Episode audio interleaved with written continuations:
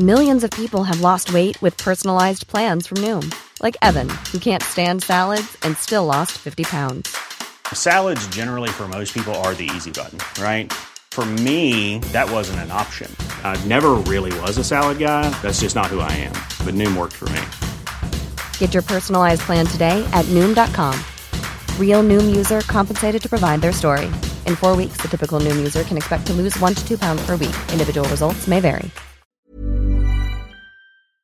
Coolt. Vad härligt. Hade du, du hade en liten, eh, du hade en grej med Indycar om en stund, du sa Mattias. Ja, jag kanske måste uh, ha, jag vet inte, 10, 40, ja hur, hur länge behöver vi ungefär? Ja, tre timmar behöver vi. nej, vi, Ja, vi nej. tänkte att vi klarar oss på en 10 minuter, en kvart ungefär. Ja, det är toklugnt. Vi kan till och med ta 20 om det behöver. Oj!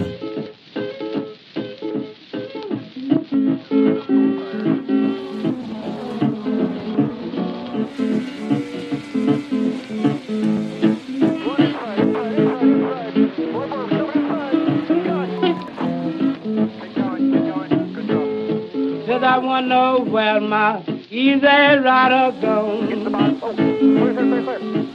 I wanna know where my easy rider goes. She's an easy rider, do ride not so long. Det är racevecka! Äntligen! Woho! Ja, det är så uppspelt och det är så härligt. På lördag gäller det. Nationaldagen, svenska nationaldagen. Och så är det Texas man längtar efter. Det är sjukt. Äntligen kommer våren, sitter jag samtidigt som det är 27 grader varmt ute.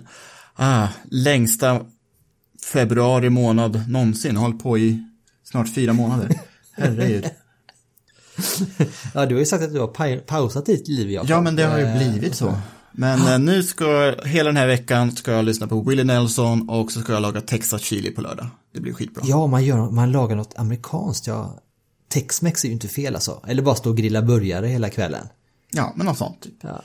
Rivstart tre på natten i och för sig. Ja, ja, men det är väl inga problem. Det är väl Mm, bara ja, att ta med jag- lite nattamat också. Ja, jag committar, jag ska kolla live. Det måste man göra. Ja, ja, absolut. Vi går väl igenom eh, schemat sen eh, som ligger Ja. här nu lite senare i, i så. Men välkomna ska ni vara allihopa till Racefanspodden avsnitt 23. Den här gången med jag och Jakob bara. Ronny, du sa Racefans-podden. Eh, Välkommen till Indiepodden. Hur fasen blev det bara för vi pratade om Racefanspodden innan? Det är alltså Ja. podcasten vi hade förr. Jag och Jakob. Ja, 2016 när Felix körde Indy Lights. Ja, ja, okej. Ja, du, du är så himla duktig på att liksom väva in Indycar-referenser i alla våra samtal. Du du är så Jo. duktig på att styra tillbaka det till vad vi håller på med. Jag älskar det. Det är helt perfekt. Vi, vi, har, vi har ju snackat med Felix också. Ja, vi har ju det. Som Och, eh, ja, gästar Indypodden för tredje gången. ja, just det. Det är det. Han var på gott humör också. Ja, det var kul att höra att han är verkligen taggad. Ja, han brukar, alltså Felix är ju alltid supertrevlig och alltid liksom tillmötesgående och glad. Men det var någon liten extra, något lite extra i hans, eh, i tonen idag. Liksom. Det, han hade glimten i ögat fast i munnen. Glimten i munnen hade han. Ja, kan man väl säga. Ja. Kul. Men det, så det ska vi lyssna på också. Och vi kommer ju dra nu, detta är ju det stora uppsnacksavsnittet nu inför eh, lördagens premiär på Texas Motor Speedway. Och, eh, men vi har, vi har ju en liten, det är ju den stora goda nyheten. Eh, en annan inte riktigt rolig, lika rolig grej som vi inleder med här nu, det är att det verkar som att Indy Lights inte blir av den här säsongen. Nej. Det känns väldigt lumpet med tanke på att Rasmus Lind hade ju tänkt att dominera den serien. Och det är ju jättebräck för honom då, att han har offrat så mycket av sin tid och energi och sen så blir det inte av. Och anledningen att det inte blir av verkar vara att det är andra stall som ställt in sin satsning. Och när det redan var liksom nio bilar bara, tio kanske, Alltså de kämpar ju för att få ihop 10 bilar till, till en racehelg om det inte är då eh, den Freedom 100 eller vad det heter den som de kör på eh, Ja. Indianapolis Motor Speedway så då, då är det knapert med bilar normalt sett i den serien. så har det varit eh, större delen av de senaste tio åren. Jag vet när, när Felix körde då 2016, då kom de upp i 16 bilar till säsongen och det var ju bra och det är den nivån det borde varit på hela tiden men nu har det gått ner till runda slängor 10 bilar om ens det per lopp och sen om fall ifall tre av dem inte dyker upp, då är det knappt en, en serie att tala om, även om kanske det finns stora talanger där som Rasmus Lind och Kyle Kirkwood. Så, mm, jättetråkigt om det skulle fallera så för Rasmus Lind precis när det började se så lovande ut. Men eh, vi ska inte misströsta för mycket och vi vet ju fortfarande liksom hur eh, upplägget ser ut för Rasmus i övrigt. Men vi får väl vi får kolla läget där lite sen eh, här framöver eh, och se om han har några alternativa planer för säsongen här nu och eh, hur han kan hålla sig sysselsatt här tills eh, nästa säsong helt enkelt. För det är ju bara att blicka framåt till 2021 här nu och eh, det blir ju också en, en möjlighet för dem att kanske alltså, leta ännu mer backning och sponsor, sponsring här nu inför, inför 2021 då. För till Indycar ska han. Ja, Det har vi bestämt. absolut. Ja, och det finns ju andra racingserier att titta i USA också. Ifall han stannar kvar i USA. Eh, det finns ju snabba bilar som kör sportvagn. Till exempel, Felix Rosenqvist körde, körde GT ett tag. Eh, man kan köra stock cars på ovaler ifall man känner för det och man kan hitta lite pengar och, och så. Så det kommer inte finnas eh, ont om racing att, att, att, sysselsätta sig med förhoppningsvis för honom. Sen så är han ju, han har ju ett samarbete med Power Racing eh, Team va också. Eh, vi- det borde ju ge en liten öppning in i eh, STCC. Ja, till exempel, för det kommer ju också dra igång i slutet av sommaren. Ja, precis. Så- Och eh, Porsche, Porsche Cup har han ju kört också. Så att, eh, nej. Ja, vi, vi är inte för oroliga, men det är jättetråkigt att det inte blir några Indy Lights. Samma, jag, jag hade den där, lite den där sorgen hade jag liksom eh, som man liksom den, här, den dagen det skulle ha kört Indy 500 liksom den lilla sorgen man kände i kroppen då. Den, Jag hade lite den irritationen och sorgen när jag fick reda på det här med att Indy Lights ställer in just, just för Rasmus skull då. För man ville så gärna liksom att han skulle få ta den här, det har ju gått så himla smidigt fram tills nu då va. Men det är ju samma för alla samtidigt då. Så att det är ju inte så att han missar någonting utan det är ju hela serien som missar någonting. Eh, Så att, eh, men det verkar som att eh, USF 2000 och eh, Indy Pro 2000 eh, Yes. kommer att köra som planerat. Ja, Eh, Så, och där har vi ju eh, Lukas Pettersson. Ja, Eh, till exempel. Så att eh, Så- det är bara att, se framåt. ja, det gör vi. Och apropå se framåt ja. Texas Motor Speedway då. En av de äldre banorna faktiskt. Den byggdes 1996 som en klonkopia av Charlotte Motor Speedway som byggdes 1960. Den här klassiska Nascar-banan där de kör Coca-Cola 600. Eh, nuvarande konfiguration i Texas. Eh, banan byggdes om 2017 då med lägre banking i kurva 1 och 2. Eh, banking i kurva 1 och 2 är ungefär 20 grader medan kurva 3 och 4 är 24 grader. Första Indycar-loppet gick 1997 och då i några år så körde man två lopp på banan varje år. Eh, man körde en vid det här traditionella datumet mitt i juni och sen körde man säsongsfinalen där några gånger. Eh, flest segrar har Helio Castroneves tagit. Han har vunnit fyra lopp. Och sen så har vi också Scott Dixon har vunnit två gånger. Will Power två gånger. Joseph Newgarden vann förra året. Ed Carpenter har vunnit där också. Och så Tony Kanan vann redan 2004. Just det. Eh, varvrekordet. Vet vem som har det Ronny? Jag vet det för att du har sagt det till mig så att jag tänkte du får säga det då för annars så liksom, Ja. jag vill inte steal your thunder som man brukar säga. Ja, det är Kenny Bräck som har varvrekordet. Yes. på 22,854 sekunder. Det blir 233,4 miles per hour eller 375,7 kilometer i timmen. Och eh, det varvet satte han när Kart skulle köra här 2001. Det loppet är ju det här ökända som ställdes in just för att det gick på tok för fort och det var flera förare som faktiskt tuppade av på grund av G-krafterna eh, på träning. Eh, banan är ju mycket trängre, kortare än vad Indianapolis är, Michigan eller California Speedway. Eh, banan är, är ju en och en halv mile lång jämfört med två och en halv Indianapolis och så. Vilket betyder att kurvorna blir mycket snävare och det, det fick Maricho Gugelmin att tuppa av och gjorde en jättekrasch på 100 G-krafter. Och han kraschade liksom kurva 2, bilen stannade kurva 4, så den, den hade ju studsat i mer än en kilometer för det gick för fort. Så det loppet ställdes faktiskt in. Eh, och det blev en smärre skandal av det hela. Och så kan jag säga också att inofficiellt så gick det ännu snabbare på träning än vad Brecks officiella varvrekord eh, var på 233,4 miles per hour. Helt sjukt snabbt. Mm.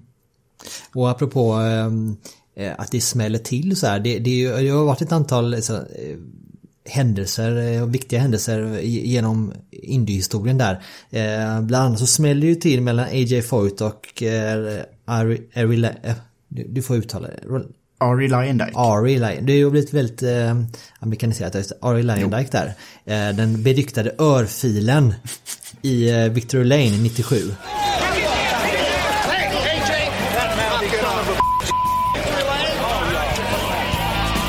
AJ Foyt just struck Ari Lyondike. Ari came into the winner's circle claiming to have won the race. And as uh, Ari walked away, AJ backhanded him upside the head and knocked Ari to the ground. And uh, Alltså, det är ju så typiskt AJ Foyt att, eh, att eh, reagera som man gjorde mot.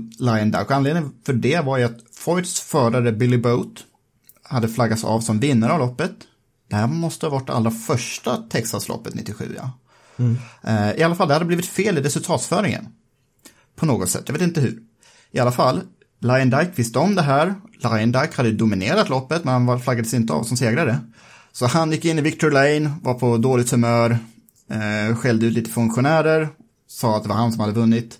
Foyt hörde det, slog ner Lion Dyke. Ja, sen var det ju också där på i Texas som Kenny Bräck råkade ut för sin olycka 2003. ja, men vi tycker när vi snackar om Texas och Kenny Bräck, då nämner vi först och främst att Bräck har varvrekordet. Ja, precis. Så det, det, det tar vi fasta till. Så tar vi och deletar det andra där och så fokuserar vi på varvrekordet här. Jättekul. Men det är ju ändå en sån här bana som är väldigt... Det har varit många spektakulära målgångar där. Det är ju liksom photo finishes infinity nästan. Jag tappade räkningen nästan på hur många fotofinishes det verkligen blivit. Ja, men senaste gången var väl 2016 va? Där det var väldigt tajt i, i målgången.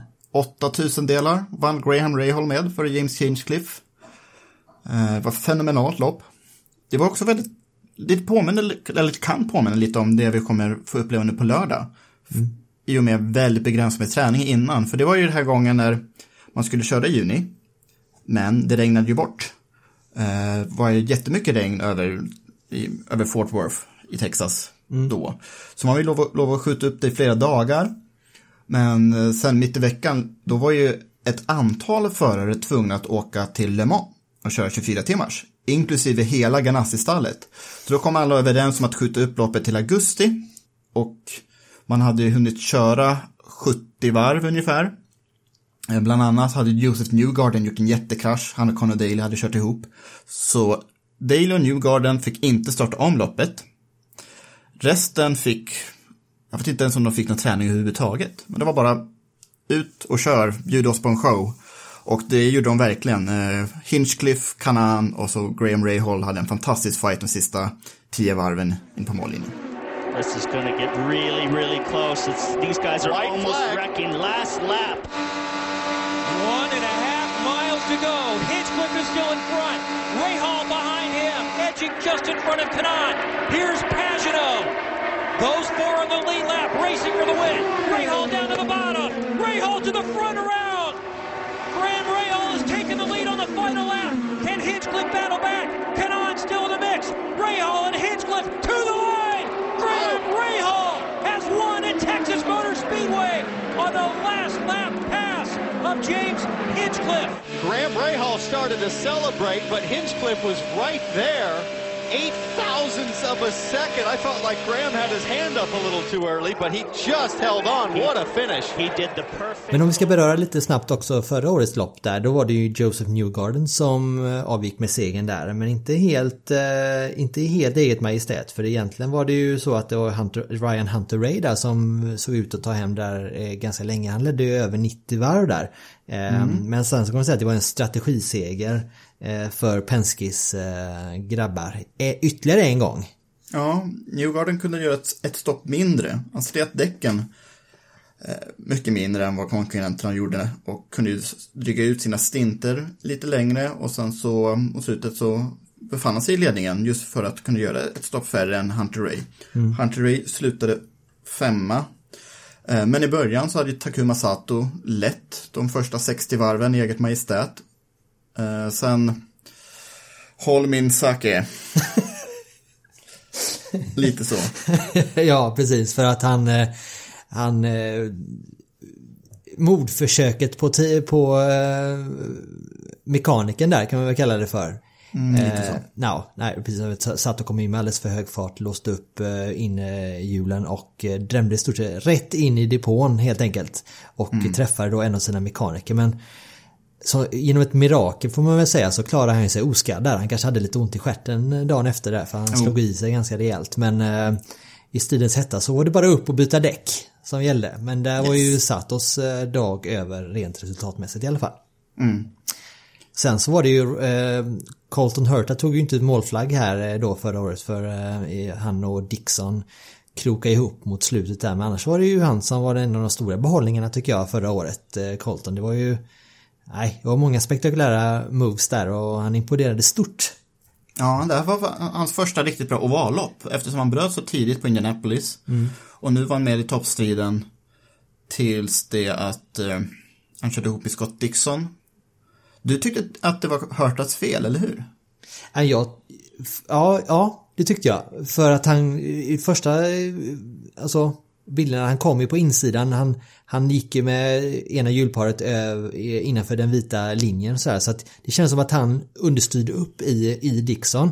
Men Dixon bad om ursäkt för detta efteråt, vilket förvånade mig. Eh, Men det är för att jag inte har koll. Alltså Dixon tyckte själv att han trängde Hurta lite för mycket.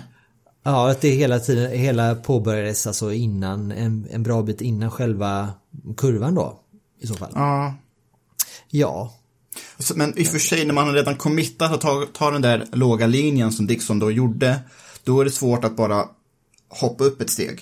För då kan man lätt tappa kontrollen på bilen eftersom de kör med så väldigt lite downforce. Ja. Så ja, racing incident kan man kanske kalla det. Och ett, eh, i, mi, i mina ögon först lite överoptimistiskt drag av Colton men samtidigt är ju alla gillar en racer va. Och eh, Ja. det där var ju han, nej det var det var en spektakulär körning fram tills dess. Det var synd, synd att han inte fick ta målflagg för det hade kunnat potentiellt bli en eh, ja, definitivt en pa- pallplats där. Och Dixon Mm. var också på god väg där och var med hela vägen eh, tills olyckan då i toppen där. Så att eh, kanske ramade in Dixons eh, säsong lite också just att han inte hade det där flytet med sig hela vägen. Nej.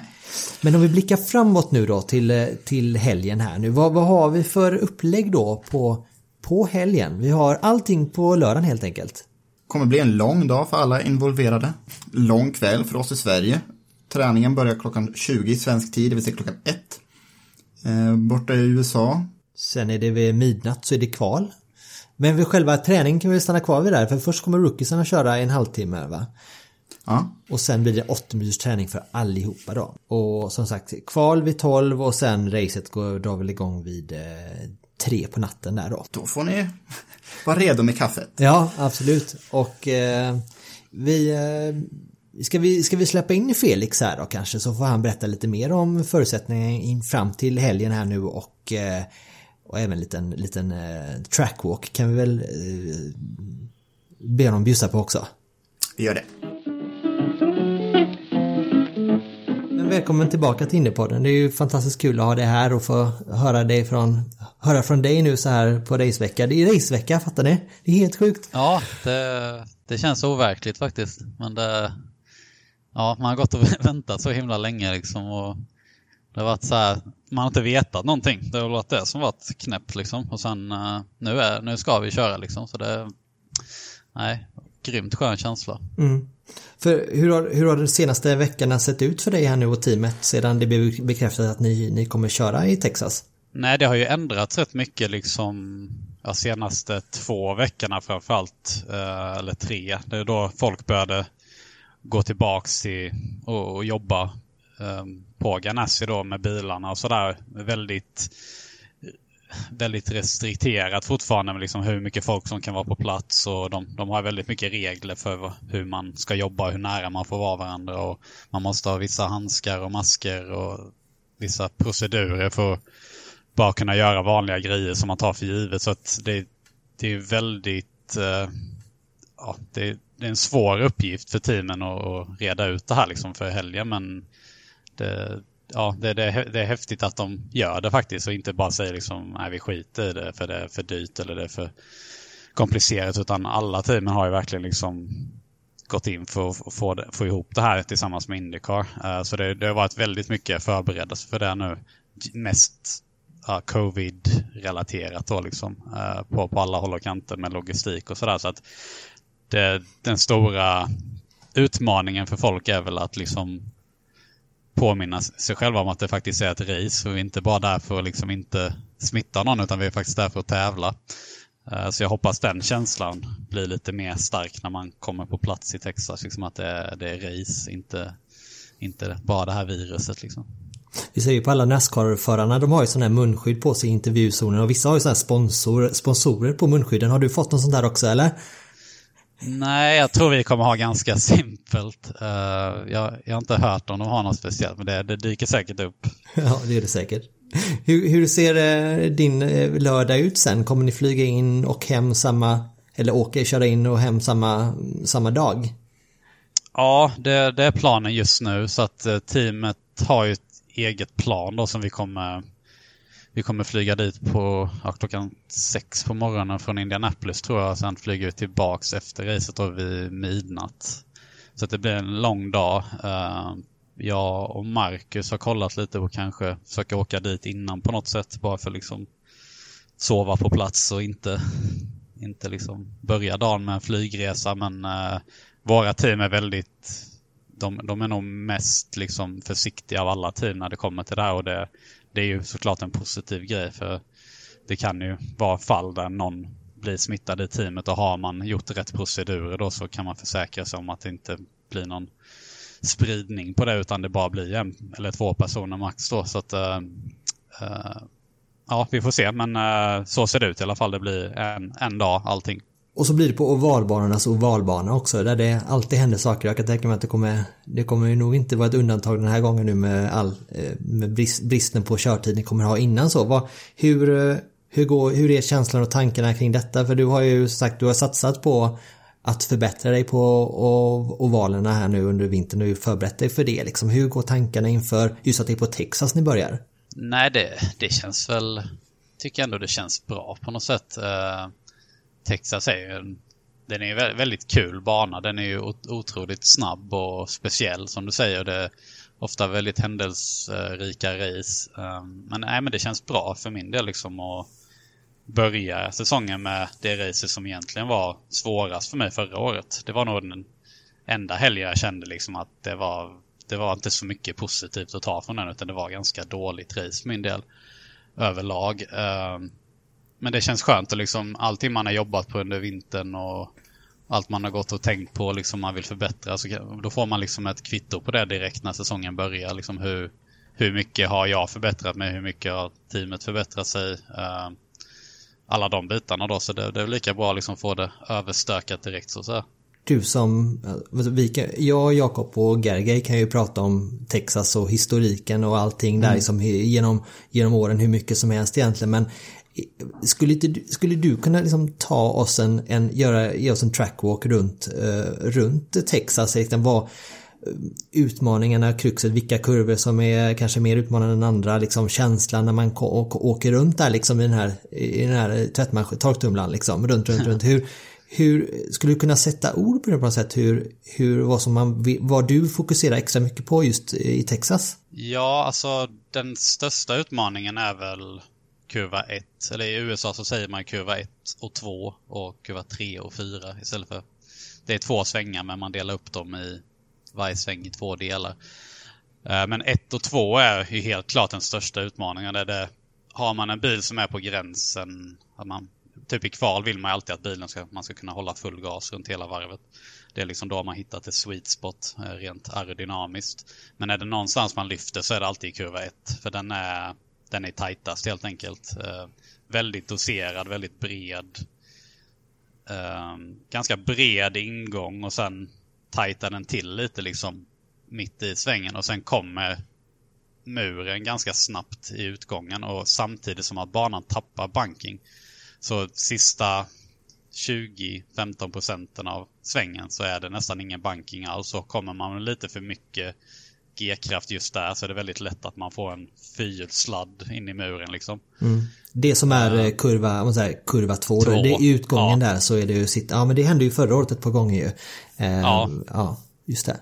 Jo, där ser man nog mest folk göra misstag. Mm. Uh, sen kurva 3 och 4, den är nästan alltid full gas för den är extremt bankad och den är lite mer öppen än en kurva 1 och 2 då den, den öppnar sig rätt mycket i utgången framförallt. Så man kan släppa ut bilen.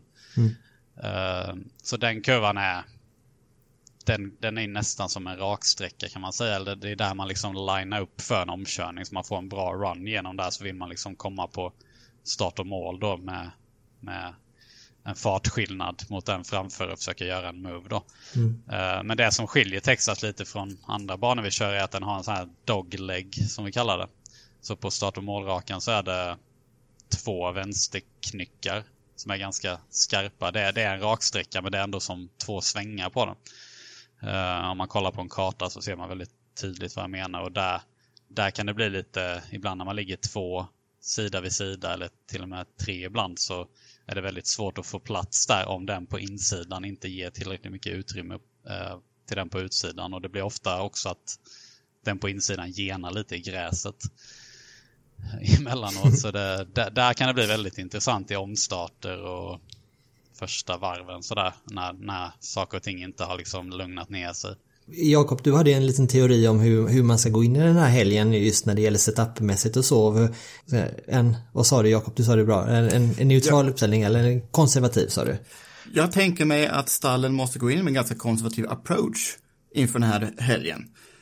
Eh, för ifall bilen kraschas på träningen, då kanske liksom hela, hela racet är över. Så Felix, har ni liksom en plan när det gäller hur ni ska ställa in bilen inför det här loppet? Och skiljer sig den här planen mot stallkamraterna eller kommer ni köra ungefär likadant?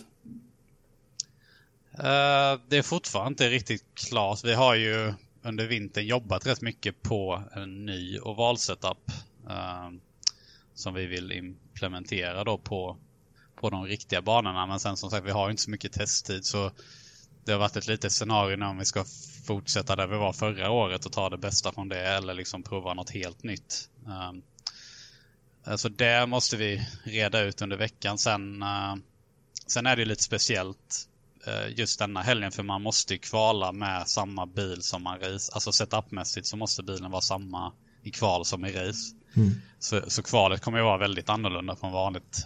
Um, det kommer ju vara jätteenkelt att hålla full gas för bilarna kommer ha väldigt mycket downforce som man behöver i racet då.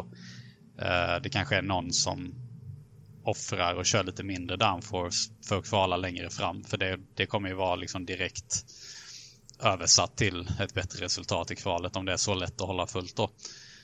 Uh, men sen kommer den personen förmodligen tappa i racet då i och med att han har mindre downforce. Så uh, rätt intressant men det gör ju också att det blir mycket mer safe. Det blir inte riktigt det här att man ligger och testar mm. kvalrunder och ligger på gränsen liksom med jätte, jätte low, low downforce då utan det, det blir nog ganska safe på så sätt med uh, bil, hur bilen är inställd.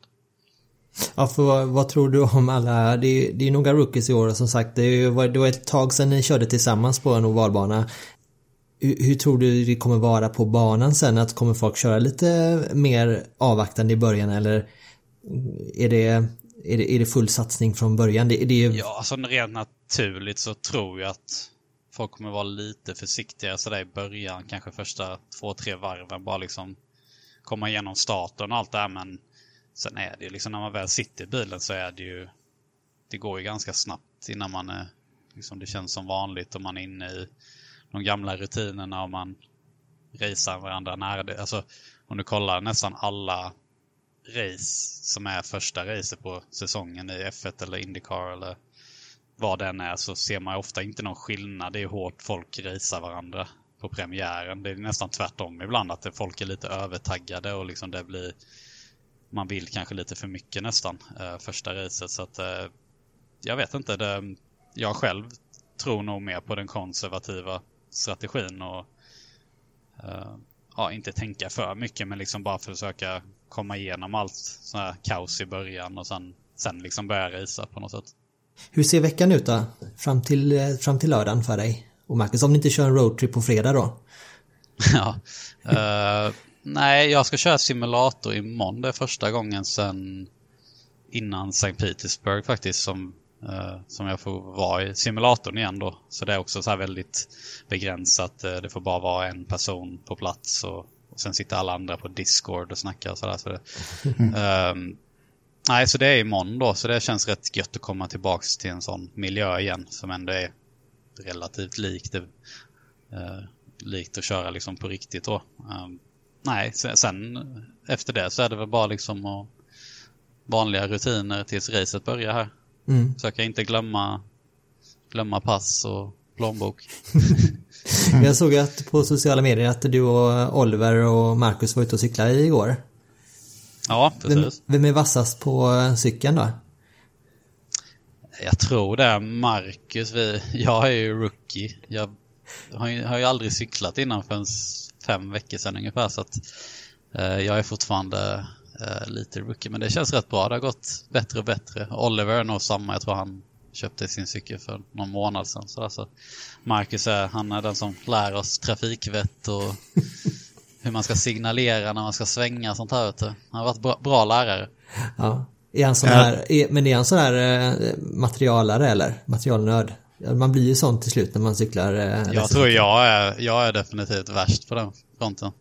Jag kan inte ge mig in i någonting utan att ha det bästa och lättaste och aerodynamiska. Så att eh, jag tror Marcus är ganska chill på den fronten faktiskt. Okay.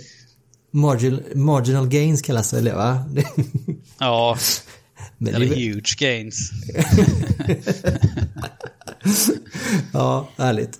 Du, eh, ett tips här nu för innan vi släpper iväg det, för du ska ju på ha en, en liten grej med Indycar här, men eh, vi har ett tips här. Det är ju så att vi har ju en tävling, tävling med Tico Racing Shop. Mm. Eh, där vi tävlar ut, Tico har gett oss en modell av din bil i skala 1 till 18 från förra året med yes. signatur så.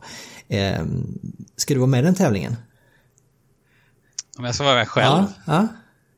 Det är bättre än någon annan får den tycker jag. ja, jag kan vara med på skoj utan att vinna någonting. Ja, det är bra. Men det, det, det är lite det är roligt för att du och Tico har ju haft ett eh, långt samarbete i många år och han är ju återförsäljare för din, dina supportersaker och så. Hur, hur, eh, hur kom ni i kontakt och hur har, ni, hur har ert samarbete sett ut genom åren? Alltså det har inte varit så, det har mest varit som en kompisgrej. Vi är ju båda från, uh, från Småland och jag vet, kommer inte ens ihåg hur vi lärde känna varandra. Uh, det var väl via pappa på något sätt. Uh, nej, men han har ju varit racingintresserad och det var ju pappa liksom när, när jag växte upp också. De, de kände varandra och sen Mattias som har jobbat med min mina mediagrejer i alla år. Eh, de, de har ju också jobbat väldigt nära liksom, eh, förr så att det, det kom naturligt på något sätt. Mm. Eh, så smålänningar är tajta vet du. Vi, vi hänger ihop. ja det är ju det. Och uh, riktigt fin shop här också. Han har byggt upp den här nu i, i Halmstad så att uh, får... Ja den, den uh, ja, men han, är ju, han, har ju, han brinner ju för racingen liksom som, som vi alla gör. Men det, det är kul att se liksom vad han vad han har gjort under alla år. Liksom. Det, är inte, det är inte alla som har det intresset och orket och, och driva igenom det som Tico har. Verkligen inte. Ja men det är kul. Så, men om, om du är sugen på att vara med och tävla så går du in på, eh, det är tvådelad fråga den här, eh, den här veckan nämligen. Ehm, då är det man går in och så ska man hitta Stefan Johanssons eh, Le Mans-vinnande bil från 97 där. Så ska man eh, ta reda på vilken skala den är i och så eh, vilka han delade bil med där när han vann eh, 97 och så ska man mejla det till podcast.indupodden.se Så nu har, du, ja, nu har du koll på det va? Så får du, eh... Ja, då måste man ju leverera ja. här, annars blir han ju sur, Stefan. och är det så nu alltså, om du inte hinner med det eller någonting så kan vi säga, då är det ju en ännu större chans för alla andra som är i tävlingen att de faktiskt har en större chans att, att vinna den här. Så att, eh, det har varit stort intresse ska jag säga, så att eh, folk vill ha ja, dina kul. prylar, det är kul. Tänk vad snopet om Marcus lyssnar på det här och vinner den själv. ja, han kan, ju, han kan ju höra från Eje vad lite tjuv. Ja. ja. Inside info då. ja, det är bra. Okej Felix, vi, vi håller alla tummar vi bara kan och som sagt äntligen racevecka och du får ha det så himla gött nu och eh, kör hårt nu på lördag. Ja, tack så mycket. Det var kul att snacka. Detsamma, detsamma. Vi hörs. Hej då! Det, det gör vi. Tack. hej. hej. Men visst, visst var han på extra gott humör idag? Man känner det. Med tanke på hur lång tid eh, det var sedan han senast körde ett race. Så det är inte så konstigt alltså. Nej. Det, det, är, det är ju julafton. Nästan till. Ja. För oss racingälskare så är det ju onekligen så. Ehm, men vad, vad, vilka, alltså, startfältet i övrigt då? Eh, vi- vilka har vi på startgriden som är att räkna med här? Vi har ju Alltså James Hinchcliffe kommer ju, trots att han har en begränsad säsong här nu, för han står ju på startlinjen i alla fall och han har ju historiskt sett varit med och, och räkna med här. Eh, och är alltid att räkna med på, på ovalerna egentligen. Eh, Ja, hans senaste lopp, eller hans senaste seger var ju på Iowa. Han dominerade det här loppet 2016, men förlorade då med 8000 delar till Ray Hall. Han var bra med förra året tills han kraschade.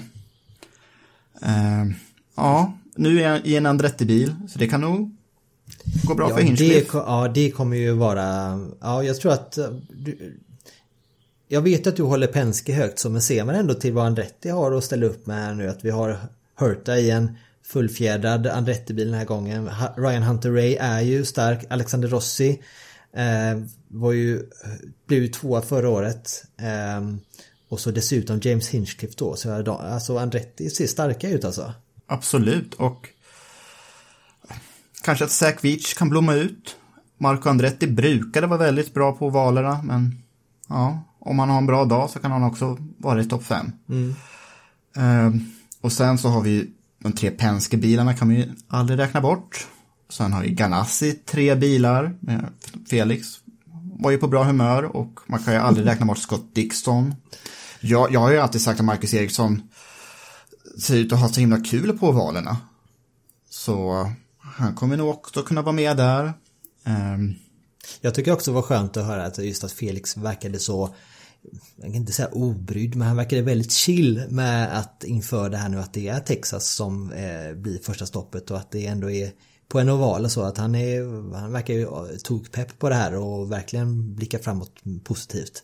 Det är liksom, ja, man man får en bra magkänsla där men som du säger Scott Dixon kan man ju aldrig räkna ut och eh, det vi var lite inne på förut att han hade ju förra året hade han ju inte riktigt det där flytet med sig i alla lägen och det kanske är dags för att casha in det nu med den goda karman här. Så vi får se hur det, hur det går. ja. Och sen Rahal-bilarna. Sato tog i pole förra året. Så Graham Rahal har vunnit här tidigare. Sen Ed- Carpenter. eh, vann här 2014. Eh, hans, bil, hans stall går ju alltid bra på valerna. Det, det, det är ju halva fältet det vi har räknat upp redan. Eh, Tony Kanan har ju vunnit här en gång. Eh, gör ju sitt victory lap. Eh, vi har några rookies. Oliver Askew förstås. Pat O'Ward var inte med där förra året. Och sen Alex Palou och Rhinus VK. Både Palou och VK verkar kunna komma till start efter att flugit in till USA nu i veckan. Eh, Felipe Nasser också i Carlin-bilen. Så det är fältet. Jag kan inte tippa nå- någon som sticker ut. Det, det här brukar vara en av mina favorittävlingar just på grund av att det blir ofta fotofinish. Eh, Men det är också en sån här tävling som man ser framför sig, ah, det, det är nästan lite jobbigt ändå eftersom det är den faktiskt, jag skulle kalla det den farligaste banan just eftersom det är så tajt, det är, går så fort och så har det hänt en del otäcka olyckor tidigare. Eh, man vill inte att det ska hända igen liksom. Så att det här är en, det är lite skräckblandad förtjusning som man brukar titta på, på det här loppet med. Just det. Eh, Och det finns lite andra förutsättningar också som är skillnad mot tidigare år. De kommer att köra 200 varv istället för tidigare 248 varv. Och de har ju även en begränsning till antal varv som man får köra på ett set däck, eller hur? Eftersom det är så mycket ovisst inför det här eh, däcken de kör med alter, alternates. som man får köra max 35 varv på ett stint. Vilket gör att det kommer bli bli väldigt intensivt i depån. Tror du att det kommer avgöras i depån menar du? Nej, inte på samma sätt som förra året. I och med att det blir kortare stint, man, kan inte behöva, man kommer inte behöva spara bränsle på samma sätt. Nej, just det. Utan det kommer nog bli mer sprint mellan depåstoppen. För Mm. vanligtvis kommer man ju nästan 60 varv.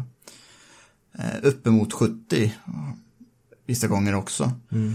Så ja, det blir mer, mer sprintlopp också på grund av att det blir lite färre varv att avverka. Ja, men eh, då eh, blickar vi framåt eh, tycker jag mot lördagen med tillförsikt. Så har vi någonting att tillägga där nu just än så länge? Jo, du får tippa en, en vinnare på den där. Jag sa att vi har ju sagt halva fältet minst är ju liksom med i, med i mixen här. Men du får bara säga en som du tippar. Colton Hurta. Fan, det skulle jag ha sagt. Och så, vad ska jag säga då då? Eh, Men jag säger Marcus då? Nej, du får inte ändra det. Nu har du sagt något. Nu får Ja. du får lagt kort ligger där. Då säger jag... Eh, eh, eh. Nej, Scott Dixon säger jag. Okej, det var lite tråkigt men visst. Okej, men då backar du. Ska- Okej, vänta lite då. Om jag säger Dalton Kellett och han ska inte köra alls. Är det, är det tillräckligt spetsigt för dig då? Nej, vet du vad? Jag tror Nja. faktiskt så här att kan, om du säger Hurta då. Vi sa ju att Andretti känns lite heta nu. Alltså, Mm. Tänk, tänk vilken, vilken, eh, vilken saga det har blivit om Hinchcliffe här nu med eh, sett hur hans försäsong såg ut. Att han går in och vinner här nu. Det vore faktiskt jättekul. Okej, men då säger jag James Hinchcliffe. Det är hans, eh, det är hans tur att ha tur nu. Eller ha Mm. flyt i alla fall.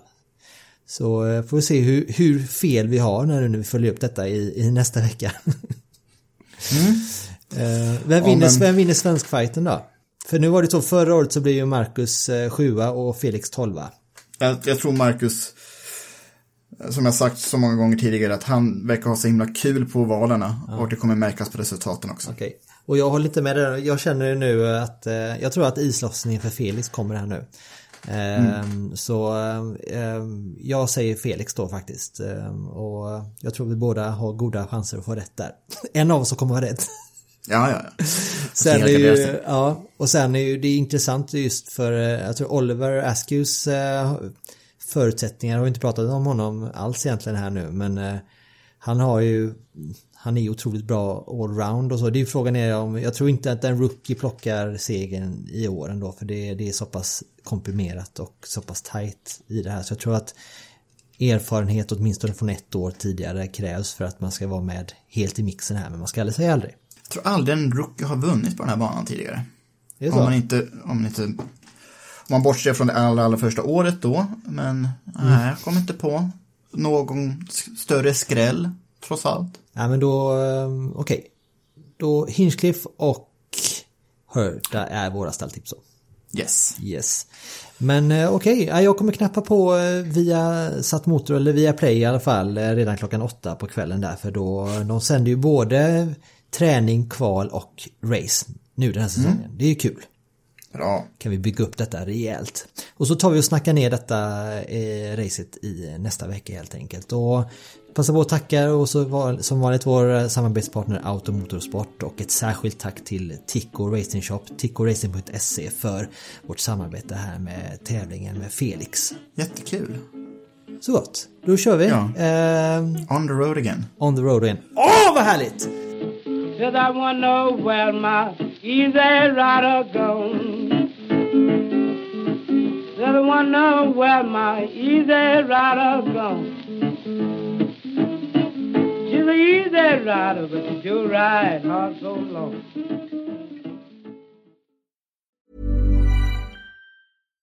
When you make decisions for your company, you look for the no-brainers. And if you have a lot of mailing to do, stamps.com is the ultimate no-brainer. It streamlines your processes to make your business more efficient, which makes you less busy. Mail checks, invoices, legal documents, and everything you need to keep your business running with stamps.com.